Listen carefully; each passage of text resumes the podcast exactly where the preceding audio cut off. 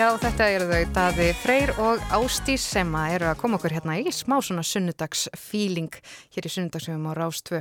En hingaði sestur, hann Sindri Geir Óskarsson, prestur, sóknarprestur í Glerórkirkju. Verður velkomin Sindri? Já, sæl, takk fyrir.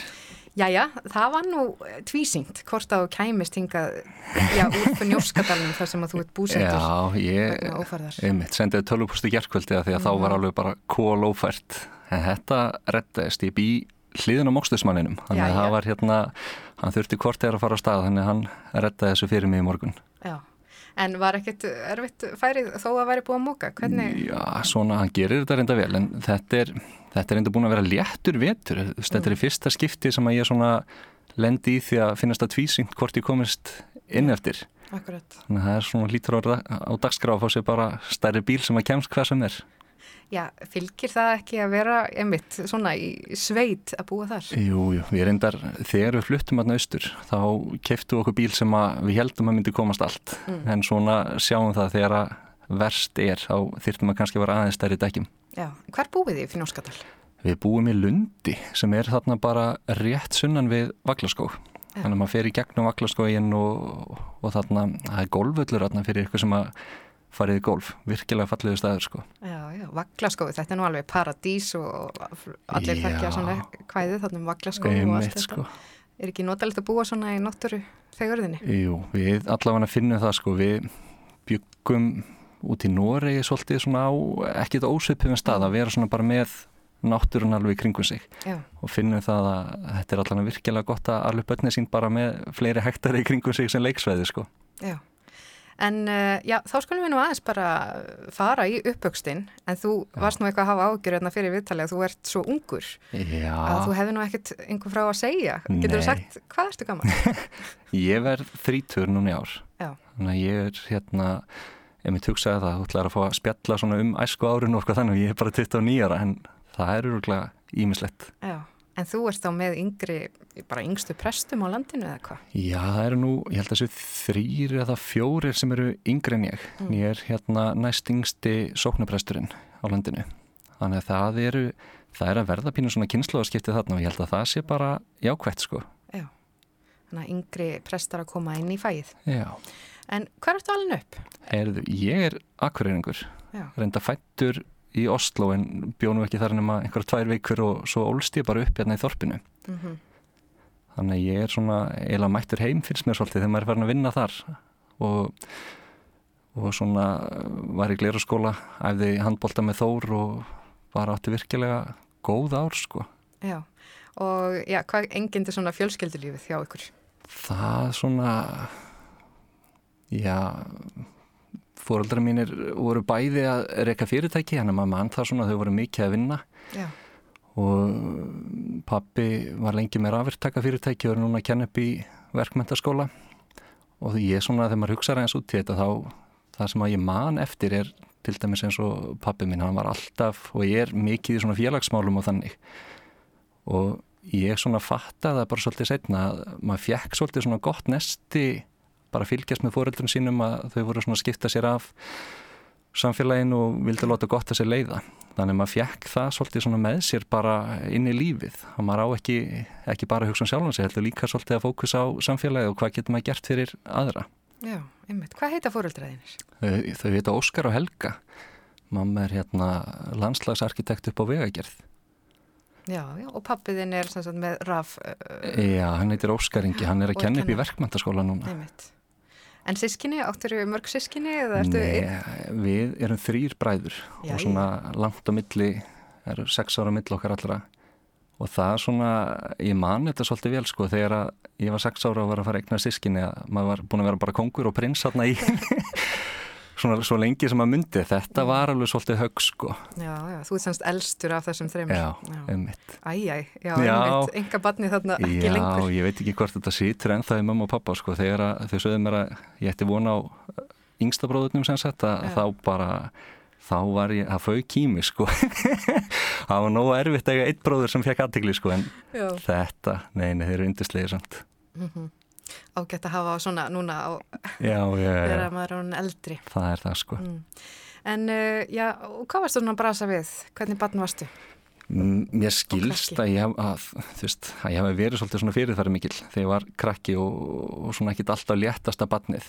En það svona, ég róaðist, ég kannski tók þetta bara út svona sem barn en ég var mikið tónlist, byrjaði sex ára í tónlistaskólanum og var fyrst hérna á blokkflöyti eins og allir og fór síðan og lærið á saxofón alveg í tólf ár Já. og svona finn það að það skipti ótrúlega miklu máli bara upp á svo margt sem ég er að gera í dag að hafa ja. þennan grunn svona í tónlistinni og líka bara finna svona einhvern veginn farveg fyrir sköpunarkraftin sem er í sér Já. og þó að ég sé ekkit mikið að spila núna á saxofónin þá svona finn ég þetta í mér að maður þarf alltaf að vera eitthvað að skapa. Og ég er líka í vinnu sem býður alveg svolítið upp á það að maður megi vera með skapandi hugsun og, og finna einhverja nýja leiðir. Já. Eh, þú ert sá, þannig að þú ert svona prestur sem að getur tónað. Þannig að organistinu er vendalega ánað með Já, ég nefnilega hafði reyndar ekkert verið að syngja fyrir en ég fór sem skiptinemi til Noregs, þá fór ég hérna í Íslenska kórin í Oslo já, já. og það var rosalega merkilegt góða stjórnandi sem var þar sem að hjálpaði mér að finna það að jújú, jú, ég hérna ég hafði rött og gætt sungið mm. og það hérna kemur sér mjög vel í mínu starfið mitt Já En uh, já, þú fær bara í grunnskóla og, og, og, hvaða svona, hvaða drauma áttur sem bara, hvert langaði þig að stefna? Var það, það tónlistin eða? Já, það svolítið svona, tók svolítið á í mér. Ég, ég sæði lengi sko að mér langaði að verða læknir. Ég veit ekki hvenar ég byrjaði að segja það. Já. En það er svona einhver hugmynd sem ég hafði í kollinum að það var eitthvað sem ég langaði að gera sem að segja varð, varð ekki sko en ég hérna mei, ég var mikið í hérna svona kristilegu barnastarfi var í æskulistarfinu hjá Kvítasunni kirkjunu lengi og átti mjög góða vini þar þannig að kannski það hafi eitthvað spilað síðan inn í hvernig fór með hvað ég valdi mér að gera. En það hérna eins og í mentaskóla þá eiginlega brotnaði þessi læknadraumur þegar ég fjall í starffræði 303 og hérna þurfti að skipta um braut var, var á náttúrufræði braut og fór yfir á félagsfræði braut en ég bara fann mig svolítið þar. Og ekki þetta ég sé að segja að það sé endilega léttar að vera félagsfræði braut en ég fann það allt í einu og ég hafði bara meiri tíma í tónlistina, meiri tíma í félagslífið, þessi fög sem ég var að taka heimsbyggi, siðfræði fjölmilafræði og, og svo leist það það höfðaði miklu betur til mín heldur en raungreinarnar þannig að þetta var rosalega svona mótuna tími Já, og byrjaði þá strax eitthvað neginn stefnan á að fara í guðfræðina og, og, og svona nei, presturinn. nei, nei, alls ekki sko. Ég var í smá krísu sko á síðast ári í mentaskóla bara hvað ég ætti að velja og ég man að það voru eiginlega sko formálinn í Guðfræðinni. Þetta verið að læra grísku og hebresku og, og læra heimsbyggi sem að mér fann svolítið spennandi sko. Þannig að ég fór eiginlega í Guðfræðina að því að maður var að læra svo fjölbreytt fögða þarna. Mm. Já. Og þú klárar í hvaða mentaskóla fórstu? Já, herri, ég var í mentaskólanum á Akureyri mm. Var þar hérna útskrefast 2010 og það var afskaplega góður tími. Svona ég kynntist á þessum árum svona nokkuð rótækum félögum mínum sem að voru í vinstri grænum og ég menna þarna var náttúrulega um, runið og allt þetta var í, var í gangi hérna réttu undan þannig að maður svona sveiplaði svolítið með. Og ég myndi kom upp í memories og Facebook í gær hérna mótmálinir á Ráðhústorki þar sem að eins og Jónas Viðar listamæður hafi verið að brenna einhver, einhver málverk af Davíð Ottsinu eitthvað svolítið og maður svona þetta var rosalega tími sem að, já, sem að var þarna og Þú ert þá að lýsa einhverju búksávaldabildingu sem var hérna á Akureyri Já, þetta hérna. var nefnilega sko, mm. hérna voru borgarafundir og Já. alls konar, manni mætti með pappa og eitt borgarafundi hérna og þetta svona, það kviknaði einhver svona áhugi á pólitík og samfélaginu og ég lendi í þeirri stöðu að verða formaður ungaramistur Gretna hérna á Akureyri. Já, þú bara letti þar. Já, ég reyndar jarðaði það félag, það tók hengið við af mér sko, þannig að ég var, allir hef ekki verið síðasti formaður þess hérna á Akureyri. Já. En svona upp úr þessu kviknaði svolítið svona áhuga á pólitík og eignaðist vinn sem var í anarkistafélagi í Íslands og ég setti upp einu bók fyrir þau, ég hérna, er svolítið í því að setja upp og, og hann að útlita svoleiðis. Mm ég var endur aldrei í því félagi en maður svona, þegar, þegar ég horfið tilbaka þá, þá er maður alveg búin að fara á svolítið áhugaverða staði Já, Já.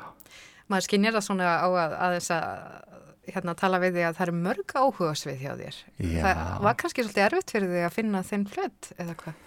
Já, eins og með Guðfræðina, ég fór ekki beint í hana að því að, því ég var eitthvað trúaður. Og eins og þegar ég var í mentaskólanu þá bauð ég fólki upp að það að skrá sig úr þjóðkirkjunni að því að ég hafði svona eiginlega mist svolítið bara trúna á kirkjunni, ég hafði ekki endilega mist mín að trú að fulluleiti þarna sko. En ég fann það einhvern veginn að fyrir mér var þjóðkirkjan eitthvað sem ég átti enga samlið með. Þannig að þessi ákverðin að fara í Guðfræði hún var líka pínu svona ég var svolítið svona átakasækin. Mér fannst alveg gaman að rökraða við fólk og, og svona helst að lenda í smá svona orð, orðastriði eða slag sko. Já. það einhvern veginn, það er búið að róast mikið. Ég, ég nenni því ekki lengur sko en ég held að undir niður ég hafi ég búist við því að í Guðfræðinu myndi ég finna svolítið af bara forduma fulla fólki. Fólki með mjög íhaldsama skoðanir sem að var í gaman að stuða og hérna rökraði við. Þannig að það var síðan ekki tannig ég, það var pínu bara svona sjokk að fara í Guðfræðildin og sjá það að þetta er mjög svona framsækið nám og allir profesorarnir og, og flesti kennararnir sem að talaði við þau voru uh, bara á allt annari línu heldur en ég hef nokkuð tíma búist við sko En þú hefur ekkert, þegar hefur ekkert langað því þess að bara hella þeirra fullum krafti út í pólutíkana, fyrst þú varst nú, já, átakasækin og þótti þið ekki gaman að raukræða þetta. Ég held að það sé ekki góðir, ég held að það sé ekki endilega góðir kostir í pólutíku, sko, en ekki.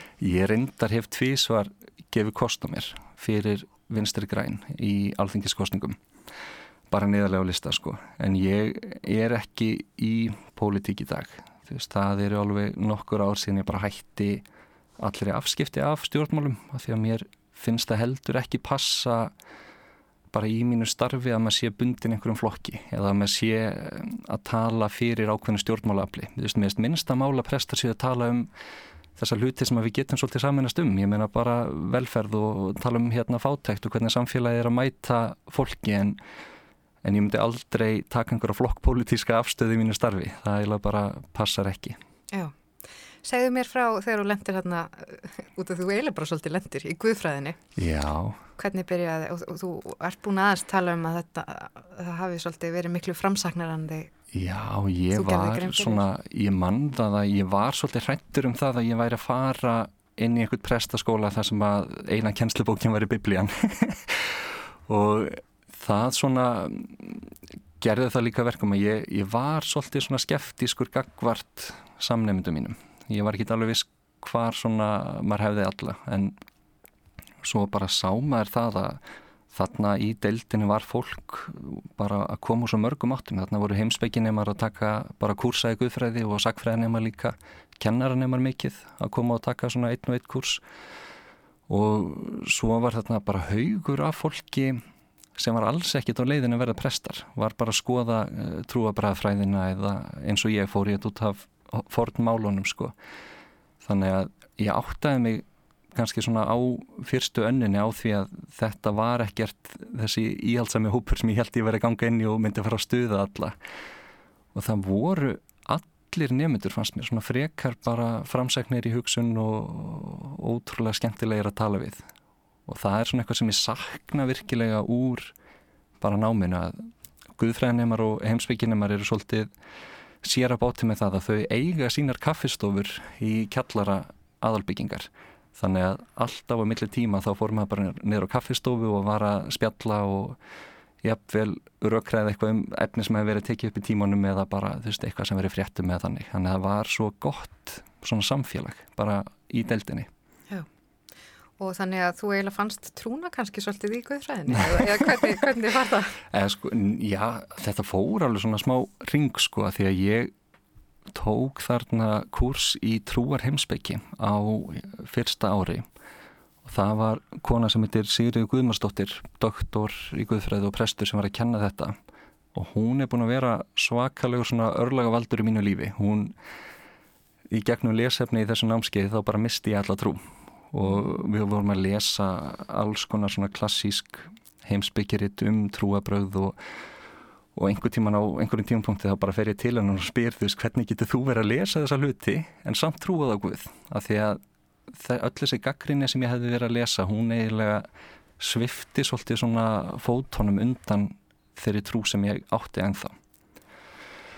Og við tók svolítið svona glíma á maður að halda áfram í þessu námi þegar maður bara er ekki trúaður en ákveðið mitt bara á sömu fórsendum og ég fór í það að, að halda áfram. Ég hafði enþá gaman að námskeiðunum, ég hafði enþá gaman af því sem ég var að læra.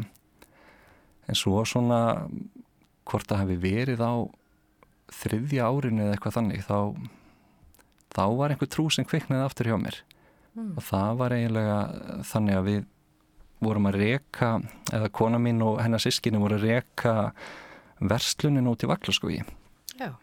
Og ég stóð þarna vaktina kringum mánuðamótin mæjúni skóurinn var enþá bara grár og, og brútin eftir vitturinn, það var ekkert farið að bruma. Og ég var að lesa svona einhverjar bæði guðfræðabækur og svona gaggrinni á trúabröð og allt í hennu bara fyrir að taka eftir því bara eftir því sem líður á vikvöldnar að allt í hennu er þessi bara dauði skóur orðin grætn og lífandi og það einhvern veginn svona heldist yfir mig bara þessi tilfinning að það væri einhver aðri máttur sem að stæða baki þessu öllu. Að þessi lífskraftur sem við sjáum bara allstæðir í kringum okkur að það er eitthvað meira sem er þarna að baki. Og ég svona fann að þetta opnaði ákveðin glugga hjá mér. Ég var ekkit endilega mjög kristinn en ég trúði samt að það væri eitthvað meira í heiminum. Og ég svona allavega hugsa ok, ég ætla að gefa þessu námi séns áfram og svona alltaf ekki verið bara ég var einhver tíman að fara með strætó heima frá mér í Garðabænum og upp í háskóla og ég er að hlusta á podcast þar sem við erum að tala um vist guðfræði sem er svona ákveðin stefnaði guðfræðinu varandi það hvernig kirkjan og trúabröðin geta bara stutt samfélagi settið því að ganga betur um jörðina. Mm, Vi, Já, vist guðfræði. Vist já. guðfræði. Og þetta er einmitt hugtak sem hún áður nefnd Sigriður Guðmarsdóttir smíðaði á íslensku. Eco-theology heitir þetta á ennsku og þegar ég er að hlusta á þetta podcast þá bara einhvern veginn finn ég í mér, heyrðu, þetta er það sem ég á að vera að gera í þjóðkirkjunni mm. og það svona eiginlega kveikti hjá mér einhverja tilfinningu fyrir því að ég ég ætti bara að klára þessa guðfræði og, og fara í prestnámið og það var bæði í bíðanverkefninu mínu og í mestararverkefninu þá er ég að skrifa um vist guðfræði og hvað kirkjan og Íslandi getur gert til þess að svona ég bara styðja Íslands samfélag í því að uh, hlúa betur að jörðinni Já, og, er kirkjan mikið að færast í eitthvað svona áttir, vist guðfræði? Já, ég hérna... Eða ertu bara einna báti í þessu? Nei, alls ekki sko. Ég var enda svo heppin að svona á svipuðum tíma var verið að endurvekja umhverfustend kirkjunar og ég svona fyldist aðeins með því og var síðan bóðið að taka þátt í starfið þessar nefndar og ég tók þátt í að skrifa sagt, eða, eða ég bara þýtti og skrifaði handbók þjóðkirkjunar um umhverfismál. Og núna fyrir tveim árin þá þýtti ég bók sagt, um kristna siðfræði og heimsmarkmiðin. Þannig ég er alveg búin að fá að njóta mín svolítið á þessu sviði. Já. farið tvisa sinnum sem fulltrúið þjóðkirkjunar á hérna, heimsraðstöfnu saminuð þjóðuna um umhverfismál. Þannig að ég finn það alveg að ég er búin að fá að gera að helling þessu tengt og ekki bara ég heldur ég er starfandi umhverfisnefnd og þjóðkirkjan er núna undanfærin ár búin að vera svolítið að lifta þessu upp lifta upp fyrir bæri sem heitir grænkirkja sem er svona umhverfistarf fyrir söfniði mm.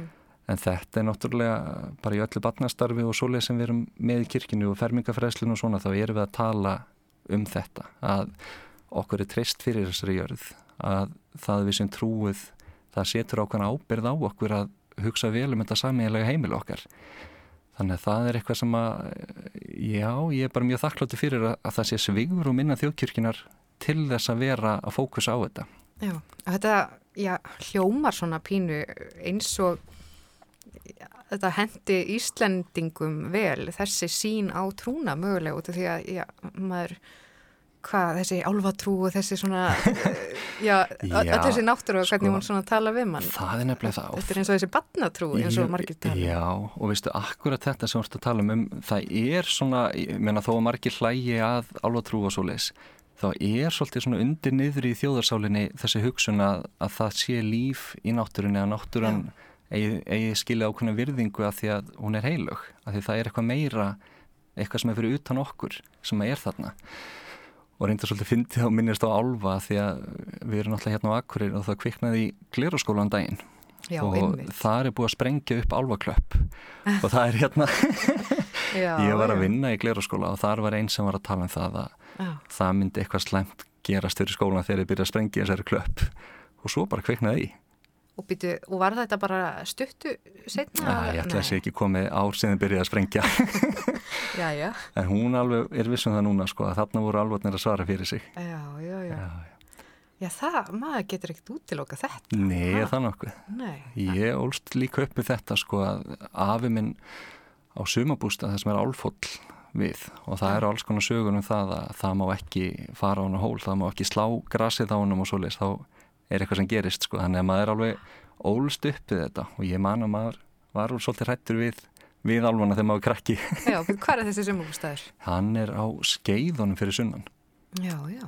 þannig að maður er með rætið þar líka Já, þannig að þú ert svona norrlendingur og sunnlendingur í grunninn. Já, þetta er svona bara góð og fall, falleg blanda Já. En uh, svo líkuru prestnáminu eða hvernig, hvernig þróast þetta Já, saman hjá þér? þetta, við vorum ekkit rosalega skynsum sko, við ákvaðum það áður en við lukum bíanáminu að bara okkur líði ekkit alltaf nú vel fyrir sunnan. Já, Sko, okkur- hjónin, sem Já, sagt. við hjónin, sko. Mm. Okkur langaði að vera fyrir norðan, bara það sem að fólkið okkar er. Þannig að við flytjum norður og ég gerir svona heiðarlega tilraun til að taka meistarnámið í fjarnámi en það svona, þetta er náttúrulega gömul deild og þau tóku ekkit vel í það að ég hérna, setja upp eitthvað tjarfundabúnað eða þannig. Nei, hafa ekki kannski verið alveg framsækinni að því Nei, leitinu. ekki að því leitinu Mm. til sko.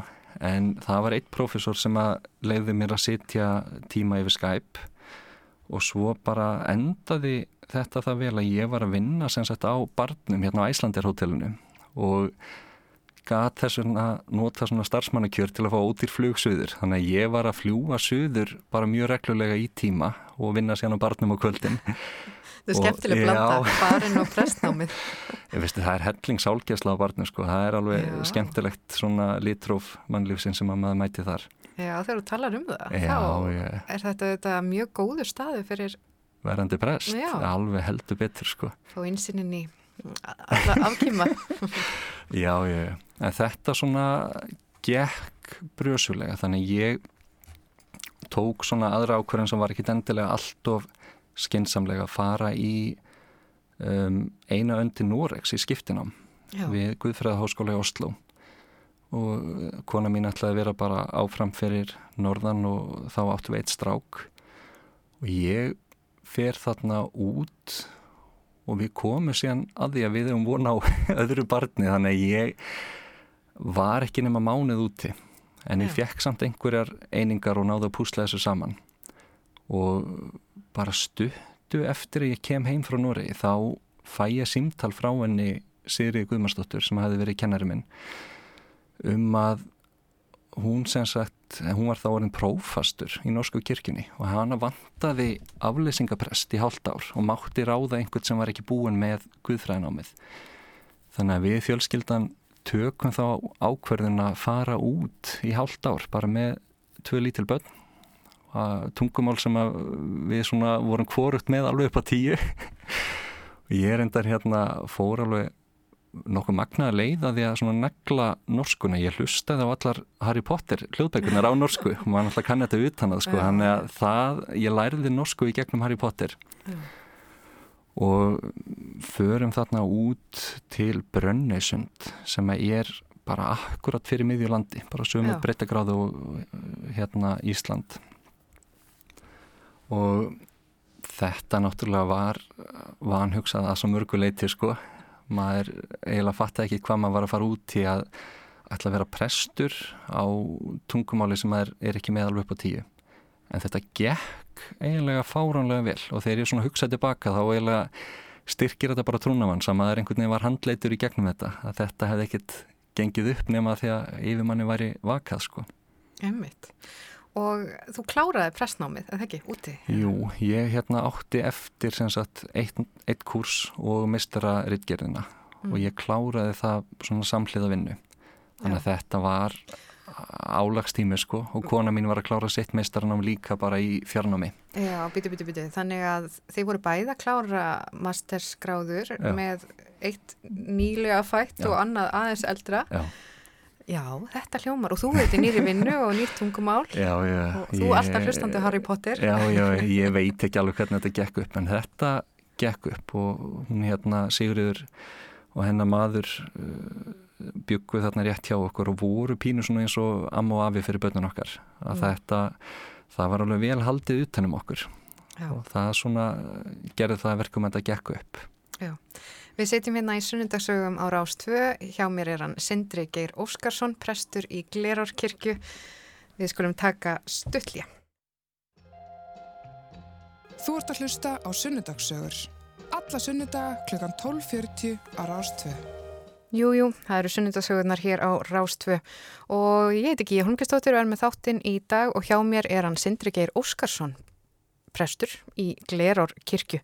Já, já, Sendri, við erum bara svona búin að ræða okkur í gegnum hvernig þú ákast að vera prestur og mhm. uppvöxtinn og svona lífið og tilveruna og við enduðum hann í Nóri þar sem já. þið eru að takast á við rosalegan pakka, skulum við segja. Þið eru með tvö börn, þið eru bæði að gera mastersverkefni. Þú fegst ekki taugáfall eða hvað? Nei, en sko þegar ég horfið tilbaka þá sér maður alveg, ok, þetta var alveg álegstími, sko. Já og ég man það að var sérstaklega bara þegar ég var búin með rítgerðina að þá allt í hennu fann maður svona bara spennufall og mhm. bara, já ok, maður hefur einhverja tíma í sólurringnum til að gera eitthvað annað heldur en að vinna og, og læra þannig að það svona sem betur fyrr var ekki álag sem ég fann mikið fyrir, fyrir en eftir á já. en svona hugsa að það hafi verið alveg tölvert álag á konunum minni líka á þessum tíma að því að fengum ekki leggskólapláss fyrir Eh, yngra barnið alveg strax og þetta var alveg svona ja, þetta var pínu, pínu glíma. Þetta gekk allt upp. Og þú varst þarna starfandi sem prestur í Noregi og, og þurftir að sinna því ennbætti á norsku. Fekk svona einsýnin í bara prestheimin þar. Já. hvernig er svona munurinn á prestastarfinu á Íslandi og svo í Noregi? Það er sko það er, við erum orðin svolítið mörg sem að erum íslenski prestar sem hefur farið til Norex og unnið þar mm. og við erum eiginlega öll sammálu um það að það sé svo litið betra skip lagt bara á öllum lutum í norsku kirkini Já. og það er þá bara eitthvað sem við horfum svolítið til að geta vonandi bætt hérna heima að þetta er náttúrulega svolítið glíma að vera prestur af því að maður í rauninni gengst undir það bara að ætla að vera vinnan sín bara alla daga, sama hvað mm. og ég finn meira fyrir því hérna heima að, að fólk hafi svolítið það hugafar að það getur bara ringt í prestin sinn hvena sem er og það er alveg þannig að ég um, hefur kannski úti bara á frídegi með börnum mín eitthvað að lappa og þá kemur símtal og einhversu vill bara fá að tala við prestin Já. og stu, það svona reynir maður að beina öllu inn á vinnuvökkuna sem maður getur en út í núrei þá bara er kerfið byggt þannig upp að það er passað upp á frítagana þú færð þína frítaga, þú færð um, þú er bara með þinn vinnutíma og þína vinnuskildur og ef þú vinnur eitthvað meira en það þá færðu bara auka frítíma móti mm. sem að er ekki hér maður þarf hérna að vera rosalega duglegur að passa tíman sinn Já. og það svona er eitthvað sem að lang flestir nýjir prestar brenna sig á að passa ekki tíma sinn. Þannig að það er búið að vera já, ég byrjaði nýtt ár á því að byrja að tellja vinnustundina mínar. Og það er ákveðin skellur sko því að það þá sér maður það ok, ég er að kannski eh, eins og síðasta vika voru 50 vinnustundir. Og það er svona kannski meira heldur en væri gott ef maður er að hóra til þess að maður vil eiga einhver tíma fyrir sjálfansi og fjölskylduna. En það er þó líka jákvægt að, að því að sé þetta þá getur kannski tekið mína frídaga með betri samvinsku vitandi að maður er búin að vera að skila tímum sko Já. en hér er ekkert kerfi hjá kirkini sem að passar upp á það að ég taki frítag þegar, þegar ég er búin að vinna á mikið þannig að það er eitthvað sem að ég sakna að, að svona vinnuveitandin styðjum hann svolítið í, í því að passa mm. tímana sína Mar heyri nú ekkert mikið um ég, bara, ég hef aldrei heyrt um kjara bara áttu presta eða eitthvað negin að Nei. þetta er kannski ekki eitthvað sem ég talað um svona opimberlega eða hvernig? Nei, svo sem ekki sko, við erum svo sem með okkar stjættafélag og það er kjara bara áttu í gangi en það fer nú ekkert okay. mikið fyrir henni en það er eins og núna er ný uh, afstæðið prestaverkvall út í Noregi þar sem að prestarnir fóru bara í alvöru kjárvart og ég veit nú ekki alveg hvernig íslenska þjóðin myndi bregðast við ef að prestarnir myndi fara í verkvall en þar var þetta svolítið merkilegt og snýrist um það að það átt að gera þannig breytingar að sagt, nýjir prestar sem eruðu ráðnir inn þeir eruðu á lægri launum heldur en starfandi prestar þannig að þau voru ekki að fara í verkvall til að venda sínstarfskjör heldur til þess að hlúa að komandi mm. kynnslóðum innan kirkinar Já. þannig að það var svolítið áhugavert verkvall hjá þeim en við svona við erum alltaf í svolítið á, bara flóknu starfsumhverfi. Að því að það, það er svolítið þannig að, að hver prestur og, og hver uh, hvert prófastæmi þarf svolítið að passa upp á sig sjálft. Og það gengur svona mjög vel veitmaður bara. Já, en eru þá nægilega margi prestar til þess að þetta getur verið mögulegt? Eins og til dæmis, já, maður hugsa um litlu, þessa litlu staði þar sem er einn prestur sem sinnir alveg já. nokkrum kirkjum og já, það, það er spurning. Já, það er endur í gangi núna svona ákveðin saminning að vinna sem snýra því að það eiga, það áýrun ekki vera þannig að einhver prestur sé algjör einirki. Það er verið að samina svona lítil prestaköll eins og fyrir vestan. Þar er held ég búið að samina nokkuð mörg prestaköll þannig að þá eru prestarnir svona samstarfsaðlar og leysa hvernig hann af mm -hmm. og það er alveg jákvæð þróun sko. Já. Þannig að við erum alveg að taka einhver skref en svona við sem höfum verið í kerfi sem að heldur svolítið þjættar utanum hann við finnum það svolítið greinilega að það er alveg fleiri skref sem að mætti taka. Já og talandi um svona skref í nýjar áttir þá mm. Ert þú nú já, þekktur og hefur farið í smá viðtöl út af því að þú nýtir þér samfélagsmiðla mikið já. og, við, svona á, á, á nýjanhátt skulum við segja og ert inn á TikTok já. sem er aðal staðurinn fyrir unga fólkið, er, er manni sagt. já, þú ert ekki TikTok. Ég er ekki á TikTok Nei. og veit lítið um hvað þetta snýst en veit svona ah, pínu, okay. þetta eru myndbönd og svona. Já. Getið þú, þú ert þannig njá, sem prestur? Já, ég sko, það gerðist eiginlega bara alveg óvart að svona í byrjun COVID þegar maður var bara heima með börnin og var ekki mm. alveg viss hvað maður ætti að gera við sjálf að segja tíman, þá, þá var einhver félagamenn sem var þannig inni og ég ákvaði að kíkja á hvað þetta væri. Já. Og ég svona byrjaði bara eitthvað fýblast aðna með krökkunum mínum og fannst þetta bara svona skemmtilegt fyrir, fyrir mig og krakkana að skoða myndbönd og, og herma eftir og svo gerðist það eiginlega bara óvart að ég fór að fá einhverja svona spurningar tengdar trú og Já. byrjaði svona að svara þeim í myndböndum og spurningar eins og bara, bara... Til, sko, fyrsta spurningin sem að svona virkilega vatt eitthvað upp á sig var að ég var spurður út í fóstureyðingar. Bara hver afstæða mín og kirkjunar væru í garð sem sagt þungunarofs og ég svona fann það að ok, fólk er með fullt af spurningum sem það, það vil kannski spurja bara um trúmál eða afstöðu kirkjunar eða en það veit kannski ekki alveg hvað það á að spurja Nei, og að, þarna er unga fólkið inn á þessum já, miðli, þannig að þetta er kannski Já, ekki bara unga fólkið, ég er svona mér, það eru þetta eitthvað af hérna bara krökkum sem er hérna inni, þannig að ég hef passað það mjög vel að það sem ég er að setja hérna inn ég, ég hef svona ákveð mörg fyrir það bara hvernig efni ég er að setja inn og hvernig tónlist ég er að nota. En það er mjög margt fullorið fólk líka sem er að nota TikTok eða Já. bara fylgjast með og hefur gaman að því sko. Og alveg veit að einni sem er að fylgja mér sem er yfir 60 sko, ekki amma mér reyndar en hérna þannig að það er alveg svona breytin einhvern veginn af fólkið þetta inni. Þó að flestir séu svona kannski frá 14 upp í 25-30 eða eitthvað þannig myndi mm. ég halda og þú ert semst að svara þessum spurningum með vídjói þannig að þú Já. býr til vídjó til að svara einni spurningum mm. og það getur alveg tekið bara frá þú veist, tvei mínutum upp í 20 mínútur að gera einn vídjó sko, þannig að ég um, finn það reyndar að ég var eins að pæla að eins og núna held ég að það hef ekki komið vídeo frá mér sko í tvær vikur.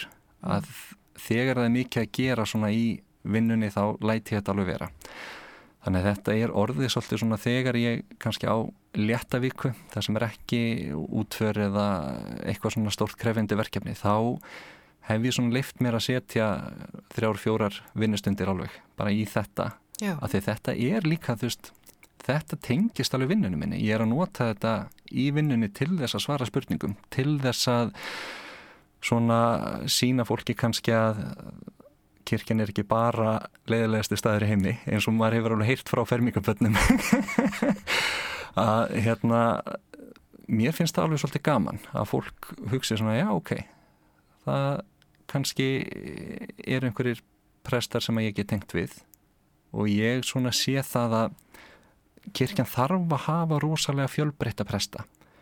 Og ég hef áður nefnt það til dæmis hún Jónarönn sem að skrifar mikið fréttablaðið hún hefur svolítið svona sinnhóp, aðri prestar hafa sinnhóp og ég er að ná þarna til ákveðins hóps. Og mér finnst það rosalega mikilvægt að svona prestaflóran sé bara sem fjölbreytust að allir getur fundið það að í kirkjunni starfi bara ólíkt fólk sem er að nálgast hlutin á ólíkan hátt að því við erum bara svo fjölbreytt. Það tengi ekki allir við sömur hluti. Já og upplifir, þú, þú kannski meiri fjölbreytni í Nóri í prestastjéttinu bara Já, sko að því leiti að það eru fleiri ungir prestar í Nóri og þetta svona kom mér alveg svolítið á óvart þegar ég byrjaði að vinna þar og sé að þar er aldur streifingin bara meiri heldur en hérna. En hér heima er að verða ákveðin svona kynsluða skipti samt að hvort einhver talaði um það að 30-40% af prestastjættinni færi bara á aldur á næstu tíu árum. Þannig að Já. það svona eins og þegar ég er að byrja að læra guðfræði þá kannski var auglýst ein eða tvær prestastöður á ári. Í fyrra held ég að það hafi verið eða hitti fyrra, hvort það voru 15 sem voru auglýstar. Þannig að það er rosalega reyfing í gangi. Mm. og það er náttúrulega, en mér finnst það spennandi bara Já, en uh, þegar þið komið heim frá Noregi, Já. bara hljópstu beintin í prestastarfi eða hvernig gekk þetta sko, hjá þér? Þetta eins og ég segi, það var ekkit mikið verið að auglisa stöður. Og það er eiginlega leiðilega við þetta, maður er alltaf að sækja um vinnu á móti vinnum sínum. Já, og það er alveg svona auðvitað samgleðsmaður á sama tíma og maður er svolítið skúfaður yfir því að fá ekki stöðunar en við einhvern veginn við vorum rosa bjart sín þegar við fluttum heim þarna 2017 lokárs að því að þá sem sagt var laus staðið myndi Gleirukirkju og ég var bara alveg vissum það að maður myndi koma stað hérna í sínum heimasöfniði og það fór ekki þannig, það var góð vinkonu mín sem að fjekk þá stöðu þannig að maður svona er í þessari glími eins og ég segja bara vera gladur fyrir hennar hönd og þakkláttu fyrir það að ungi prestar séu koma stað og sama tíma að maður er svolítið svona já, ekki ánæður svona fyrir sjálf, mm. sjálfsins vegna. Já. en ég fór þarna já, á barinn á Æslandir sem var að vinna þar. Fór síðan að vinna Þú fórst sannsett að vinna á barnu, þú fórst ekki að drekka sorgum þínum. Nei, ég er lítið fyrir það sko. En fór að vinna síðan í glera á skóla sem já, er í þorpinu. og það var bara sem uh, kennari? Sko ég átti fyrst að vera bara svona aflesing þegar þurfti. En síðan dætti ég bara í það að taka umsjónakenslu í Sjötabekk og það var rosalega skóli sko því að ég hafði alltaf ímynda mér að mér myndi finna skemmtilegast að vera með unlingastíginu en ég fann mig alveg á miðstígi ég alveg elskaði að hérna miðstíg, það er svona fjóruði, fymti þetta var sko, já, sjöttibekkur alls ekki fymti til sjötti, sjöndi því að þetta eru krakkar en þau eru samt svona farin að vera svolítið svona skapandi og sjálfstæði hugsun. Mm. og ég svona ákvaða skrámi bara í grunnskóla kennaranámið og á eftir held ég einhverjar 20 einingar til að klára það sko. Já, já.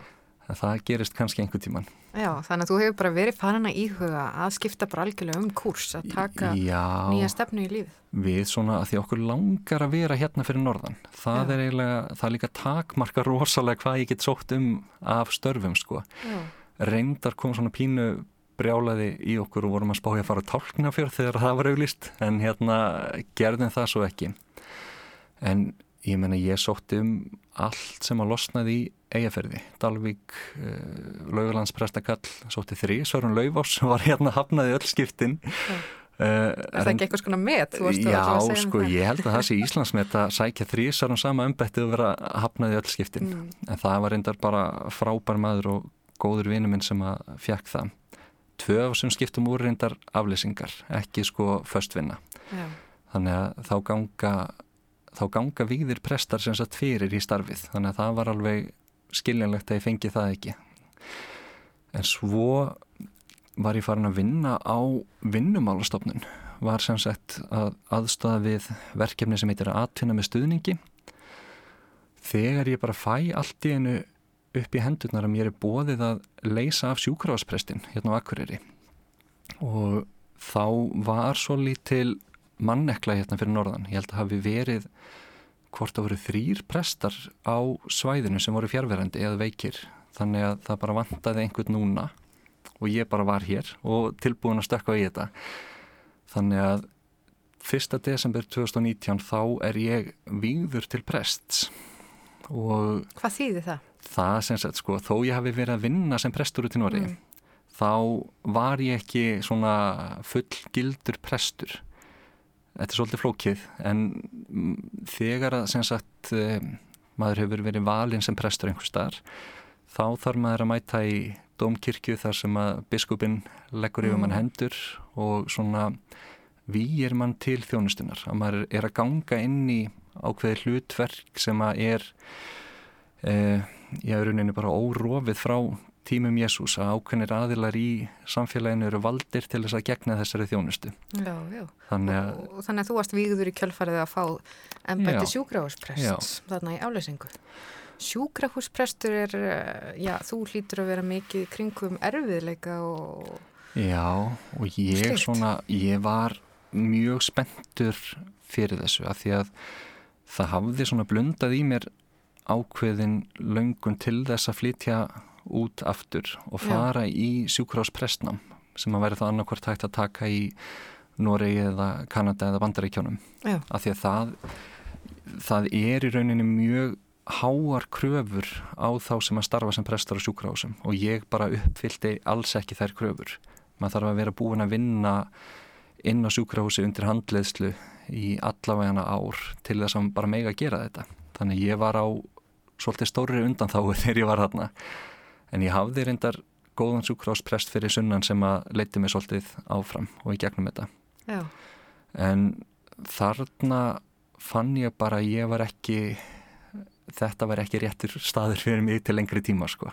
Því ég, ég hef alveg bara svona brennandi áhuga á barnastarfinu og svona sapnaðastarfi að vera í fermingafræðslunni og, og sunnudagarskólanum og svoleiðis.